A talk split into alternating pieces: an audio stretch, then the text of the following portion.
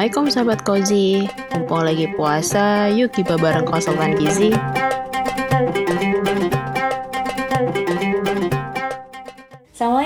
hai sahabat Kozi Selamat datang di segmen Gibah Gizi Berkah bersama konsultan gizi Gizi Berkah, Ramadan Barokah. Puasa menjadi ibadah yang paling indah Karena dengerin segmen Gibah bersama konsultan gizi. Hai hai sahabat Kozi Ketemu lagi sama Aulia di sini. Kangen banget nih. Masya Allah Mbak Aul, rindu setelah sekian Asik. episode tak bersua akhirnya ketemu di gibah spesial menuju hari raya mbak ini udahan. Iya bener banget nih Phil Akhirnya setelah kemarin ditemani oleh teman-teman dari program internship ya Di awal edisi menuju hari raya Nah Phil hari ini kita bakalan gibahin apa yuk kita bakal gibahin makanan yang biasa muncul pas hari raya pastinya mbak dan ternyata mbak Ha-ha. makanan ini pernah Iya. dinobatkan menjadi makanan paling enak di dunia di tahun 2010 Us. mbak hmm. Wah ini makanan dari Indonesia nih Phil. Ada gitu yang kayak gitu memang? Iya dong, ada dong mbak. Dan bener-bener dari Indonesia Wah, mbak. asik. Bangga ya. Wah bangga banget.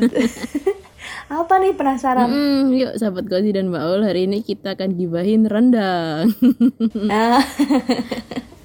Makanan favorit. Nah nih Phil. Nah sih bentar nih Phil. Gimana nih Phil kalau hari raya nih Makan makanan yang sebangsa sama rendang nih Mm-mm. Alias pakai santan. Nih menurut Filza nih gimana nih sebenarnya? Boleh nggak sih? Kan karena takutnya nih habis lebaran Eh malah lebaran alias atau lebih lebar kan gitu ya Bener-bener mbak Kalau gak kekontrol mah Kelar lebaran jadi lebaran ya Ah, ah, bener Nambah itu berat Iya, badannya betul. Oke kita ngobrolin dulu nih mbak Rendang itu proses Hmm. masaknya gimana Dan kira-kira kandungan zat gizinya apa aja Oke, boleh banget nih Phil. Jadi sahabat Kozi, biar jadi tahu kenapa sih harus hati-hati dengan konsumsi rendang. Jadi memang harus benar-benar bijaksana gitu ya Phil ya. Mm-mm, Bener-bener mbak Biar lebih paham gitu ya mbak ya Ah, ah. Oke, jadi ini Mbak Aul dan sahabat Kozi. Nama si rendang ini Hmm. berasal dari kata merandang atau randang yang artinya pelan kalau Hmm. kata orang Minang nih. Karena proses pemasakannya tuh Mbak bisa sampai sekitar 6 sampai 8 jam loh Mbak. Oh, lama banget ya. Mm, lama banget dan bentuk akhirnya pun ada dua jenis nih sahabat Kozi dan Mbak Aul. Yang pertama tuh randang kering, lalu ada randang basah atau disebut kalio. Nah, kalau randang kering itu eh, rendang yang udah berwarna coklat kehitaman gitu loh, Mbak, yang bener-bener Mm-mm. cuman daging sama apa sih eh, kelapanya gitu kan, Bumbunya. bumbu kelapa. Ah, ah, ah. oke. Terus kalau yang randang basah itu masih warna merah kecoklatan gitu, masih ada dikit lah itu kuah-kuahnya gitu. Nah, kalau nggak dijelasin nih kayaknya aku nggak tahu dong Phil kalau ada dua jenis loh, bener loh. Karena mungkin juga bukan orang sana ya. Tapi gini Phil, karena kan kadang kita suka bingung ya bilangnya rendang tapi kok kuahnya dikit kayak gitu kan. Nah, Dan bener-bener ah, ah. baru tahu banget kalau rendang tuh ternyata ada dua macam nih sahabat gizi. nah, lanjut nih Phil. Kalau kandungan zat gizinya gimana nih? Bener. Kalau kita mau belajar masakan Nusantara alias masakan Indonesia nih seru banget ya Mbak ya. Kayak tiap Mm-mm. daerah tuh kayak Betul. udah beda-beda gitu kan makanannya. Bener Oke, banget. kita lanjut Mbak. Karena si randang atau Oke. rendang ini, eh, tadi kan Mbak Aul tanya nih kandungan gizinya gimana gitu kan. Nah, bahan utamanya kan kita yang tahu kan daging sapi sama santan ya Mbak. Jadi bisa ketebak dong ternyata energinya cukup tinggi. Oke. Untuk 100 gram rendang Mbak, alias dua potong daging rendang yang sedang nih, yang agak gede tuh.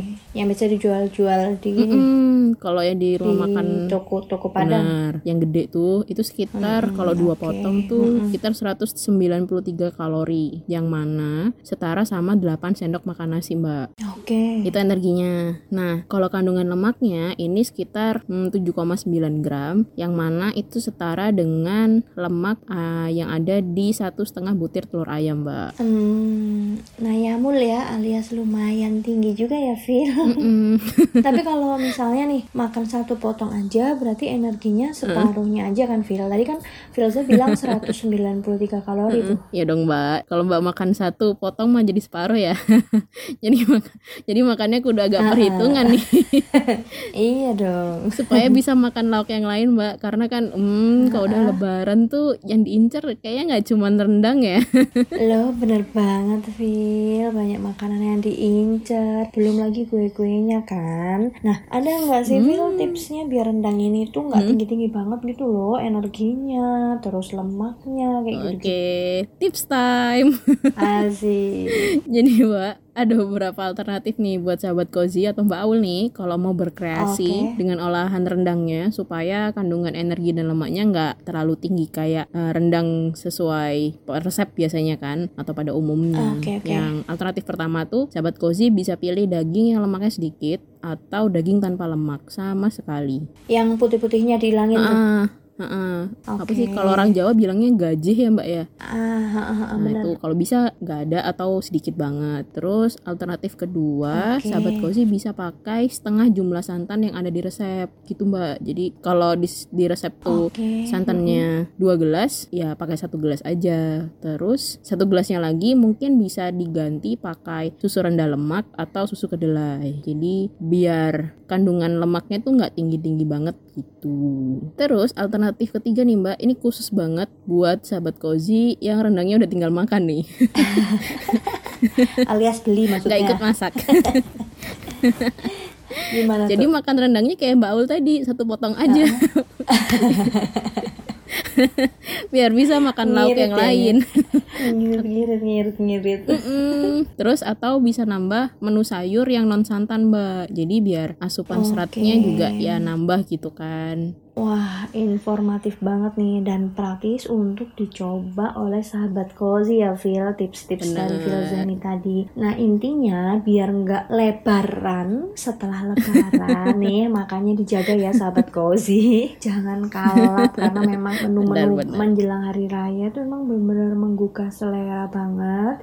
Dan juga jangan lupa Mm-mm. banyakin menu sayur non santan atau makan buah. Nah, semoga informasi kali ini bermanfaat ya sahabat Kozi. Jadi jangan lupa nih dengerin segmen Gibah selanjutnya. Gizi Berkah bersama konsultan gizi.